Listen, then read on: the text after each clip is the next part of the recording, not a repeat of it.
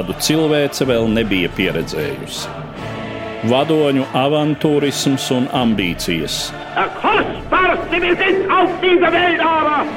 Valsts vīru neizlēmība un ilūzijas. Arvien jaunas valstis ievilktas kara virpulī. United States of America was suddenly and deliberately attacked nežēlīgi malti cilvēku un tautu likteņi. Lai dzīvo darba tautas draugs un ģeniālais vadonis biedrs Stalins! Otrais pasaules karš sarunās ar Eduardu Liniņu raidījumu ciklā Satumsums. Labdien, cienījamie klausītāji! Pieminot 75. gadsimtu kopš otrā pasaules kara noslēguma, es turpinu vēstījumu par šī kara notikumiem Latvijā un pasaulē. Šajos raidījumos izmantoti fragmenti no cikla Satumsums, kas izskanēja ēterā no 2009. līdz 2015. gadam. Šodien par notikumiem nacistiskās Vācijas okupētajā Latvijā 1942. gadā. Pēc Wehrmachta straujā iebrukuma Padomju Savienībā 1941. gada vasarā mūsu zeme bija nonākusi samērā tālā Padomju Vācu frontes aizmugurē, iekļauta nacistu režīma izveidotajā Austrumzemes Reichs komisariātā. Latvijas sabiedrība, kuras liela daļa sākotnēji uzlūkoja jauno okupācijas varu kā atbrīvotājus, tagad iepazina tās represīvo raksturu.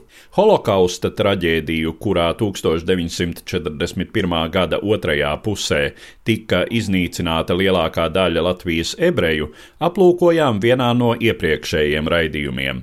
1942. gada sākumā Latvija piedzīvoja vēl vienu nežēlīgu nacistu režīma izrēķināšanās akciju - audriņu sāģas iznīcināšanu, nogalinot vairāk nekā 200 tās iedzīvotājus.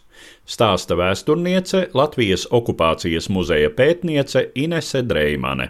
Precīzi datums nav zināms, bet tā varētu būt 41. gada vasaras beigas, rudens, kad šajā ciematā ieradās nelegāli bijušais Rēzeknas Makašāna pagasta milicis uh, Rodions Glušņovs, kurš tātad kaut kāda iemesla dēļ nebija spējis evakuēties uz Padomju Savienību, kopā vēl ar vairākiem sarkanās armijas karagūstekņiem, kuri nebija padevušies un bija slapstījušies. Rodiona Glušņova ģimene, tātad māte un jaunākais brālis dzīvoja Audriņu sāģā, tika ierīkota tātad slēptuve, aiz mājas, arī izēju ārpusē. Viņi tur uzturējās.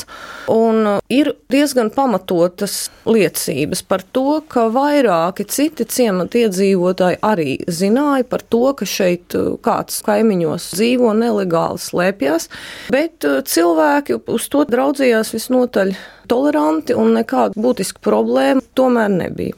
Tas ir saprotams, ka varēja vajadzēt zināt, jo beig beigās, lai pabarotu vēl paralēli pašu ģimenei vēl sešus pieaugušus vīriešus, bija vajadzīgi papildus produkti, un iespējams nācās lūgt kaimiņiem kādu palīdzību. Faktā, ka šie karagūstekiņi tika atrasti, kaut kas tāds, ko padomu historiografija nav pieminējusi. Padomu historiografija tas tradicionālais variants ir, ka ciematā ierodās divi policisti, Un tad izceļās apšaude, un apšaudē krīt viens no policistiem un viens no šiem sarkanarmiešiem un pēc tam tālāk risinās jau notikumi daudz spraigāk un traģiskāk.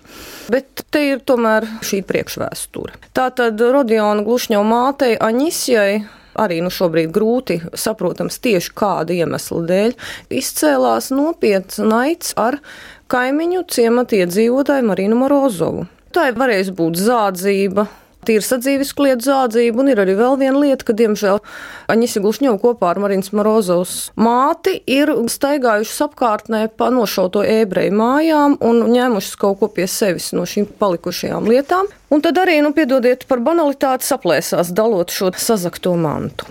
Un ir diezgan konkrēti zināms, ka Morozova ir ziņojusi policijai. Bet Viņa nav ziņojusi konkrēti par to, ka mājās slēpjas kādi sveši cilvēki, nelegālisti. Tātad tur ir varējis būt runa vai nu par zādzību, vai arī kā citur ir teikts par kanģus, nelegālu dzīšanu vai kaut ko tam līdzīgu. Un tas izskaidro to, kāpēc šajā audriņu ciematā ierodās tikai divi policisti, uz kuriem abiem ir viena lāgā nešaujoša šautene, kur pēc pirmajiem trim šāvieniem ir aizrījusies. Nevis armijas vats vai ļoti pamatīgi policijas spēki. Un tikai pēc šīs apšaudes, kuras rezultātā gāja bojā policists Alfons Ludboršs un viens no sarkanarmiešiem, pārējie no ciemata aizgāja projām strauji. Tad uz audriņiem tika aizsūtīts gandrīz nu, viss reizeknas apriņķa policijas sastāvs, kas tobrīd bija sadabūjams un sameklējams. Un tad sākās apkārtnes pārmeklēšana, tad sākās vietēju iedzīvotāju māju pārmeklēšana, pratināšanas un uh, bija apšaude netālu mežā, kuras rezultātā šie sarkanās armijas karavīri un glušņaus viņiem izdevās aiziet no šīs apšaudes, un tajā krita vēl trīs apriņķi policisti. Un lūk, pēc šī notikuma sākās šīs represijas izdzīvojušie tie ir šie pieci gūstekņi. Sarkanarmieši viņi slapstījās, dzīvoja pie vairākiem pazīstamiem cilvēkiem turpat apkārtnē, un pēc tam viņi tādā sāģiņā, viņai latviskotais nosaukums ir Moltuve, bet uh, krieviskais Konstantīnova. Tur viņi ir atraduši patvērumu pie Tihonovu ģimenes. Un nodzīvojuši neilgu laiku, bet Čihanovi sākuši baidīties, zinot to, ka audriņu iedzīvotājus apcietina, ka visus dzenus cietumu Viņi bija sākuši uztraukties, un bez tam ģimene bija liela, tur bija pieci bērni, viņiem arī trūka pārtikas. Un ir aizdomas, ka Čihonovi arī ziņoja tomēr no mežniecības vietējās. Viņi zvanījuši, ka pie viņiem slēpjas cilvēki, naktī uz jauno gadu, 41. gada 31. decembrī. Māja ir aplenkta un ģimenei izdevās izbēgt no šīs mājas. Visi šie karavīri aizgāja bojā. Sekoja izrēķināšanās ar audriņu iedzīvotājiem, kur 30 vīrieši tika par brīdinājumu nošauti publiski Reizeknē. Pilsētas centrā, tirgus laukumā. Ciemats lielākā daļa ir nodedzināta, izņemot atsevišķas mājas, kuras pēc tam ir izjauktas, aiznestas projām un uzstādītas citur. Un ciemata iedzīvotāji pārējie, izņemot tos, kuriem izdevās pierādīt, ka viņi nav vietēji iedzīvotāji, ka viņi ir tikai ciemojušies vai kaut kā izmeloties, ka viņi ir ieprecējušies no citurienes, ka viņi nav vietēji, ja viņi šeit nepazīst vietējos apstākļus. Šie cilvēki visi tika nošauti. Tā tad vēlreiz nošauti bez dzimuma, vecuma, status izšķirības. Jā, diemžēl tieši tā. Un šie skaitļi, apmēram 60 vīrieši, 90 sievietes un 50 bērni, tie atbilst vairāk vai mazāk patiesībai. No galvas es precīzi neatceros, bet viens no skaitļiem, kas ir tātad minēts izmeklēšanas materiālos, nu viņš ir kopējais skaits. Viņš ir nedaudz virs 200 cilvēkiem. Kas bija tie, kuri īstenoja šo soda akciju? Jau sākot ar ciematu pārmeklēšanu, ar ķēdēm mežu pārmeklēšanu un visu, tas attiecās uz Reizeknas apriņķa policiju. Pilnīgi precīzi pateikt visu cilvēku vārdus, protams, nav iespējams, jo nu, policija ir diezgan liela struktūra un, cik es saprotu, tur tiešām tika mobilizēti visi to brīdi, kas bija brīvi.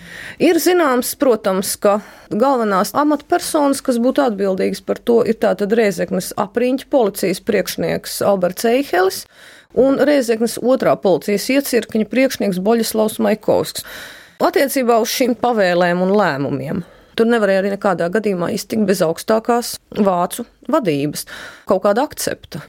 Protams, ir dota šāda pavēle no augšas, un no vācu okupācijas iestādēm tieši, ka ciemats ir jānolīdzina līdz ar zemi, un 30 vīrieši ir publiski jānošauj par brīdinājumu.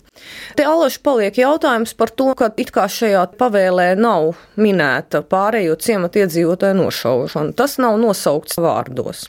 Un uh, bieži vien tādas versijas un pieņēmumi, ka tas tad nu ir bijis tikai un vienīgi vietējo, tā teikt, Eiheļa, Maikovska un varbūt vēl sevišķi iesaistīto policijas vadības. Pilnīgi tāda privāta iniciatīva, ka nu tad uh, ciematu mēs nodedzināsim, to mums atļauj, nu ko tad tos pārējos, nu tad vienkārši nošausim. Man liekas, ka arī tas tomēr nevarēja būt tik vienkārši. Iespējams, ka starp citu tas vispār iekļaujās šajā eifēmiskajā formulējumā, sāģi nolīdzināt līdz ar zemi. Iespējams, ka ar to vienlaikus ir jāsaprot arī atļauja iznīcināt vietējos iedzīvotājus, jo, ja nodedzina ciemanu, kur tad viņus īsti likt pēc tam?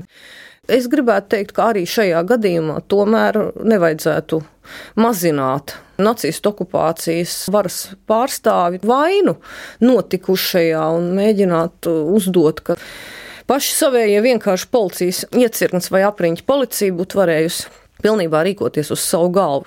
Jā, nu versijas droši vien var būt visdažādākās. Mēs zinām to vispārējo fonu, kuru, protams, noteica Vācijas okupācijas varas politika.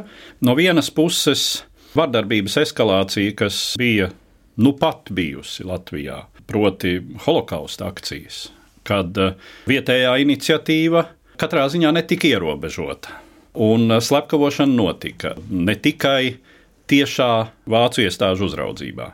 Mēs runājam par sāģu, kur apdzīvo pamatā vecticībnieki, nelatvieši, un mēs runājam par vietējo policiju, kuras sastāvā tomēr pamatā ir latvieši. Varbūt, ka šai niansai tomēr ir nozīme. Lai gan, protams, var pieņemt arī kā pavēle, kas netika uzrakstīta uz papīra, tika dota mutiski vai tika dots konkrēts mājiens mutiski, 60. gadu izmeklēšanas materiālos ir norāde uz to, ka Eihelis ir sazinājies ar vācu okupācijas režīmu amatpersonām tieši ar šādu formulējumu, ko darīt ar iedzīvotājiem, ka viņus varētu šos audriniešus nogalināt, un ka viņš esot saņēmis akceptu šādai rīcībai. Šeit jāņem vērā vēl viens faktors. Tas ir 1941. gada nogala, 42. gada sākums nacistiskā pārvalde un domāšana vēl dzīvo nedaudz zibenskara eiforijā, un līdz ar to pašu ir izskaidrojama šī nesodāmības apziņa. Jo turpmāk Latvijas teritorijā mēs vairs ar šādām traģēdijām, šādām masveida iznīcināšanas akcijām nesastopamies burtiski līdz pat 44. gada nogalē, kad nodegs lēkas. Es uh, nekad un nekādā gadījumā nevēlos likt vairāk akcentu uz pašu vietējo iniciatīvu, jo ar to pašu mēs mazinām totalitāra, noziedzīga režīma ideoloģijas principus un to realizēšanu. Jo pat ja jebkuras noziedzīgas akcijas, kuras tiek īstenots īpaši lauku apvidos, tiek veiktas ar vietējo iedzīvotāju rokām, Tas nenozīmē, ka doma to izdarīt pati arī pilnībā ir ienākusi vietējo iedzīvotāju prātā, un tad nu, viņi būtu saskaņojuši ar vāciešiem nepieciešamību iznīcināt vienalga vai ebrejus, vai veikt iedzīvotāju sūtīšanu darbos uz Vāciju vai kaut ko tam līdzīgu. Tā ir režīma domāšana, tā ir režīma ideoloģija un to, kāds ir darījis zināmu vietējiem iedzīvotājiem, vietējai pārvaldei un licis īstenot šīs jebkura veida represīvās akcijas.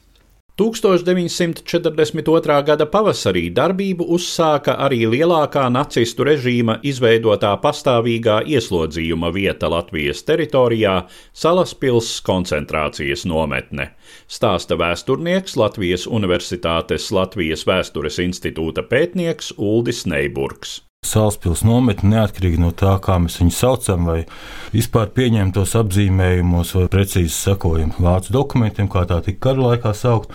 Mums jāsaprot, ka Salaspils tiešām bija viens no tādiem nopietnākajiem nacistu noziegumiem Vācu okupētajā Latvijā. Tā bija nometne, kur cilvēki tika vardarbīgi ieslodzīti, pret viņiem vardarbīgi izturējās, viņi gāja bojā viena daļa. No 41. gada decembra sākās salaspils būvniecība. Līdz 42. gada maijam tā ilgs, kad nometnē uzliek apkārt žogu, kad ir pirmās barakas uzbūvētas.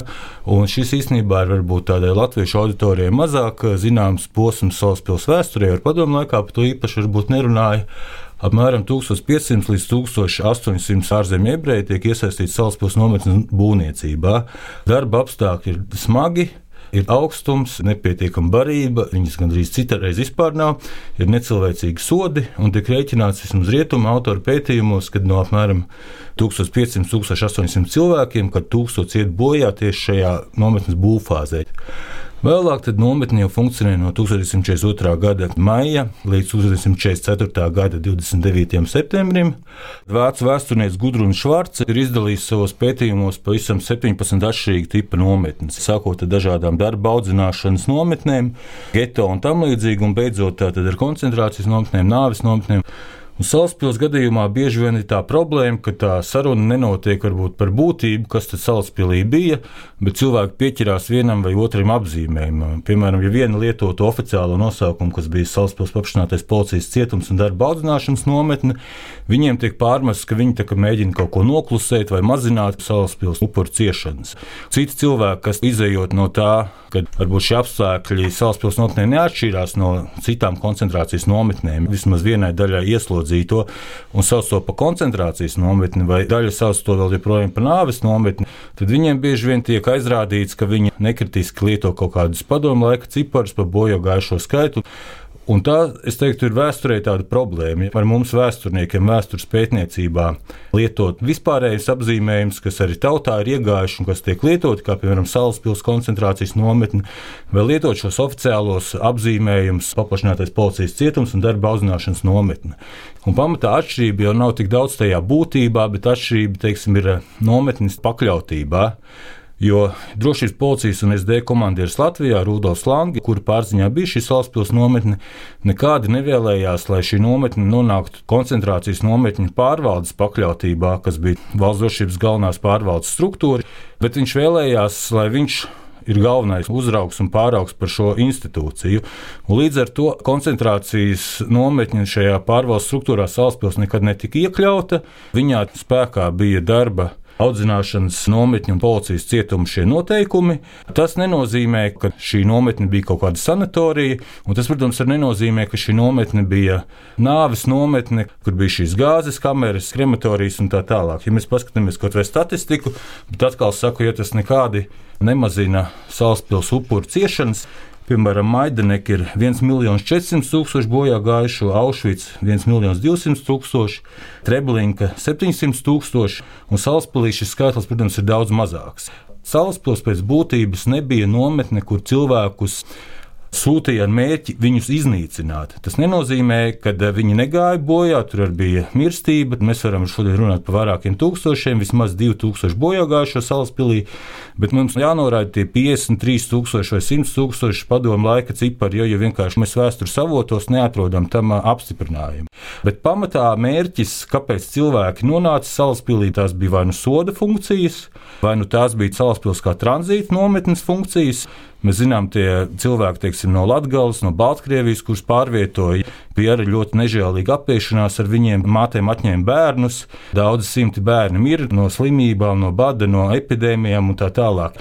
Bet pamatfunkcija nebija viņus iznīcināt, bet pamatfunkcija bija viņus izlaist caur salaspīlī, lai darba spējīgos nosūtītu darbā uz Vāciju, un tad ar bērniem domāja, ko ar viņiem darīt. Un eh, tāpat arī citas ieslodzīto kategorijas, piemēram, tā saucamie padomju aktīvisti vai Nacionālās pretošanās kustības dalībnieki, tie, piemēram, tika nosūtīti pamatā uz Stuthofu vai uz citām nometnēm vēlāk.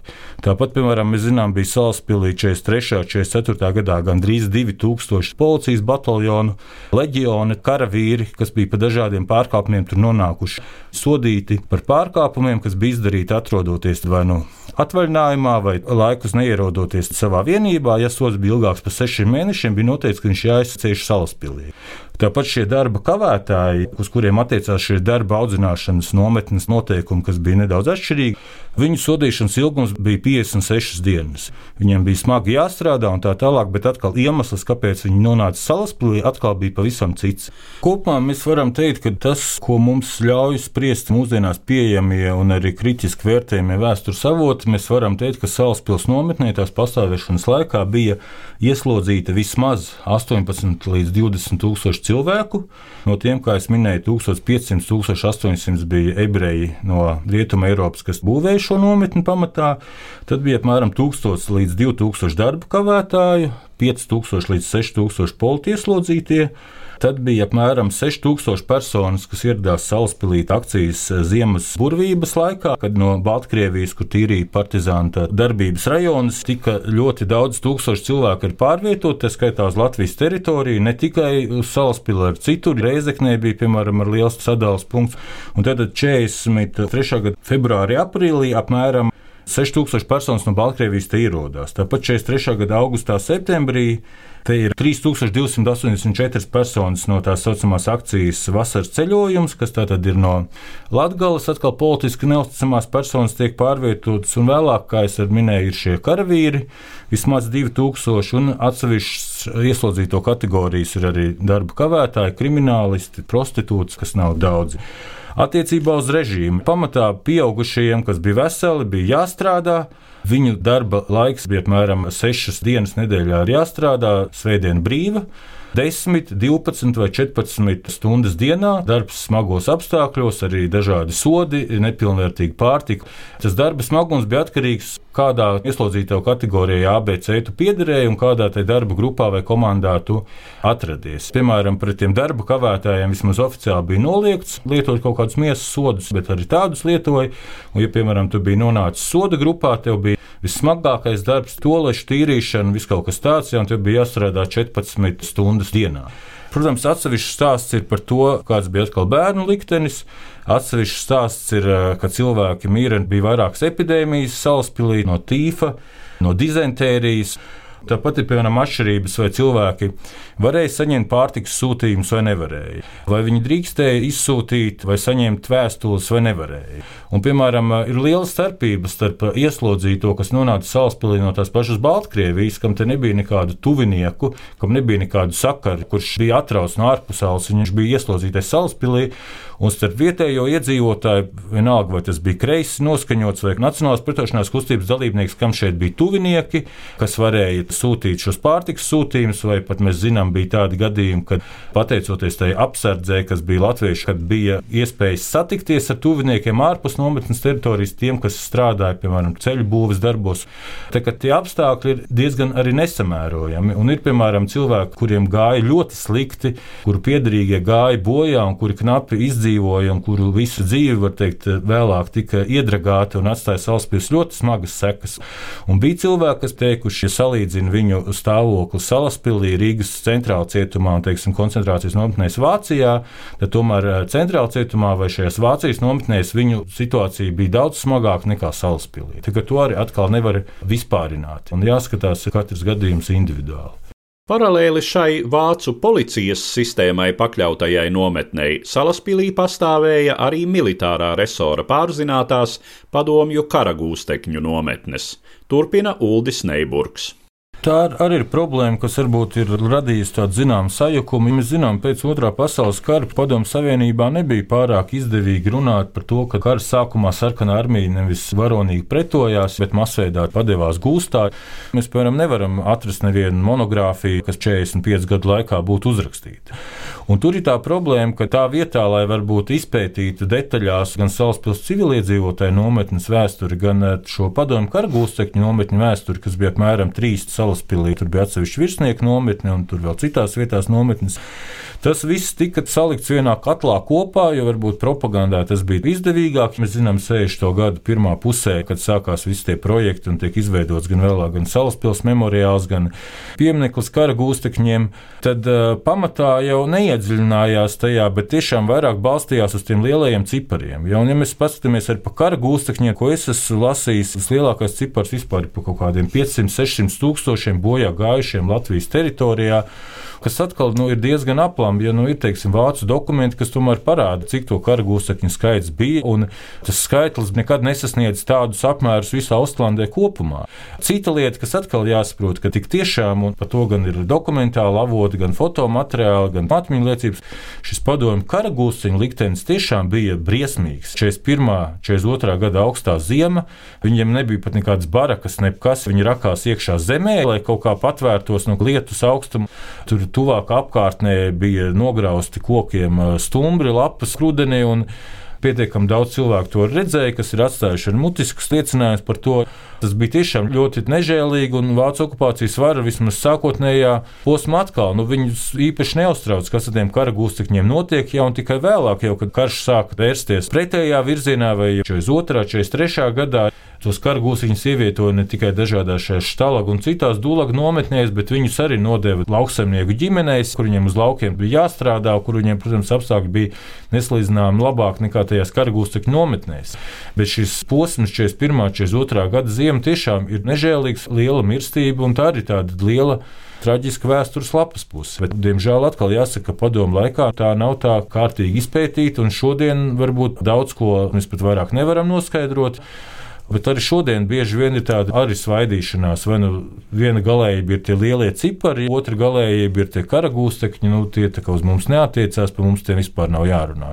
1942. gadā iesākās plašāka Latvijas pilsoņu iesaistīšana nacistu režīma izveidotos bruņotos formējumos. Tobrīd tie bija tā sauktie Latviešu policijas bataljoni.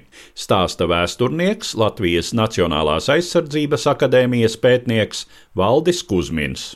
Pamatā šīm vienībām, kas pēc tam laika gaitā kļuva par tā sauktajām, vēlreiz pieminēsim tā sauktajām policijas bataljoniem, sākums ir 1941. gada 7. jūlijas, kad pulkvedis leitnants Valdemārs Veiss paraksta pirmo pavēli Rīgas pašaizsardzības dienestam. Pēc tam viņu pārdēvēja par Rīgas kārtības palīgu policiju. 1941. gada rudenī vācieši izgudro šādu nosaukumu Šucmanschaft, ko latviešu sākotnēji tūkoja kā kārtības dienests. Šīs pirmās vienības bija brīvprātīgo vienības.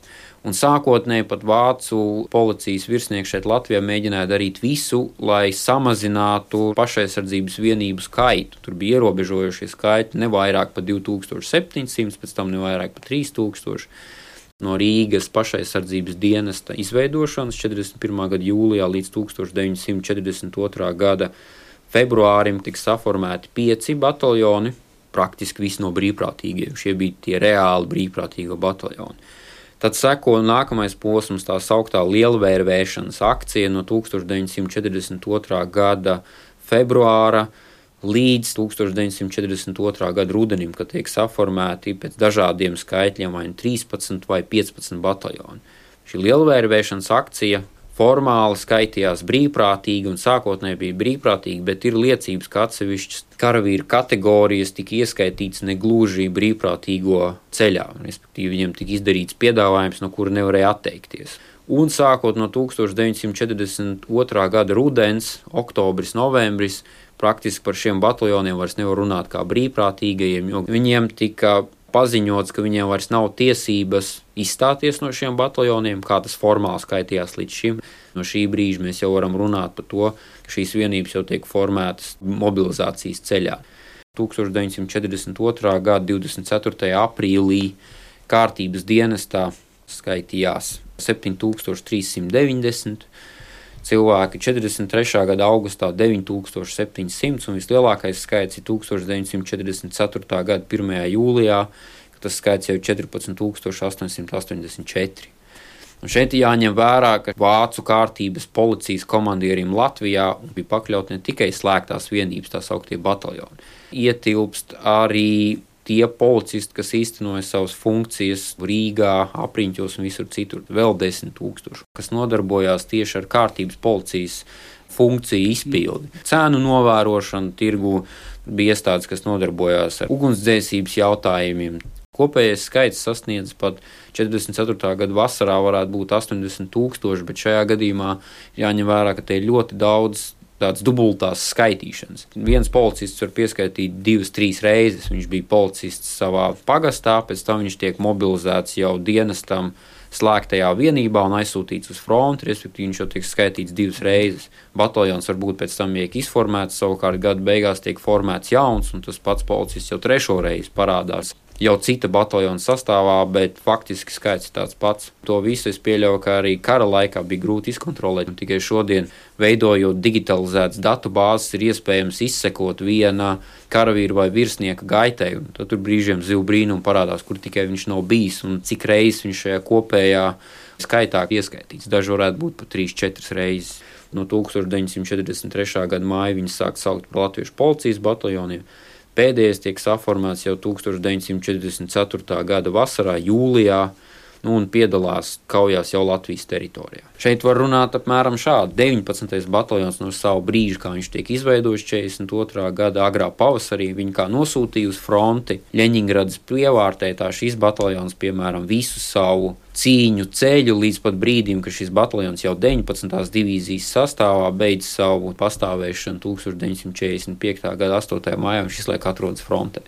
Un savukārt, ja mēs gribam noskaidrot, ko darīt, ko nedarīt, tad burtiski jāņem priekšā liels saraksts un jāiet katram bataljonam cauri, kur bija, cik šī darbība bija atbilstoša tā laika kara vešanas noteikumiem un likumiem, bija kara noziegumi, nebija kara noziegumi. Bet, nu, principā ir jāsaka, ka kara noziegumi ir bijuši vienmēr un visos karos, notiek arī tagad un notiks arī tālāk nākotnē. Jautājums, kā pret to cīnās un kā pret to mēģina vērsties. Un viennozīmīgi jāatzīst, ka arī slēgto vienību rindās bija cilvēki, kas veica kara noziegumus, un bija arī cilvēki, kuri par to tika tiesāti jau 42. gadā, 43. gadā, un noziegumu pakāpe bija dažāda, sodi bija dažādi. Proti, Latviešu aizsardzības vienību štābs kas kontrolē šo vienību izmantošanu, vienmēr uzsver savās pavēlēs par disciplīnas saglabāšanu un diezgan tādu striktu vēršanos pret tiem, kas disciplīnu neievēro. Līdz ar to izskan mūsu šodienas raidījums, kas bija veltīts notikumiem nacistiskās Vācijas okupētajā Latvijā 1942. gadā. Raidījumā dzirdējāt vēsturniekus Latvijas okupācijas muzeja pētnieci Inesi Dreimani, Latvijas Nacionālās aizsardzības akadēmijas pētnieku Valdi Kuzmi, Kalninu un Latvijas Universitātes Latvijas Vēstures institūta pētnieku Uldi Neiburgu. Uz redzēšanos, cienījamie klausītāji! Raidījumā šīs dienas acīm cikls Satumsums - sarunas par Otro pasaules karu.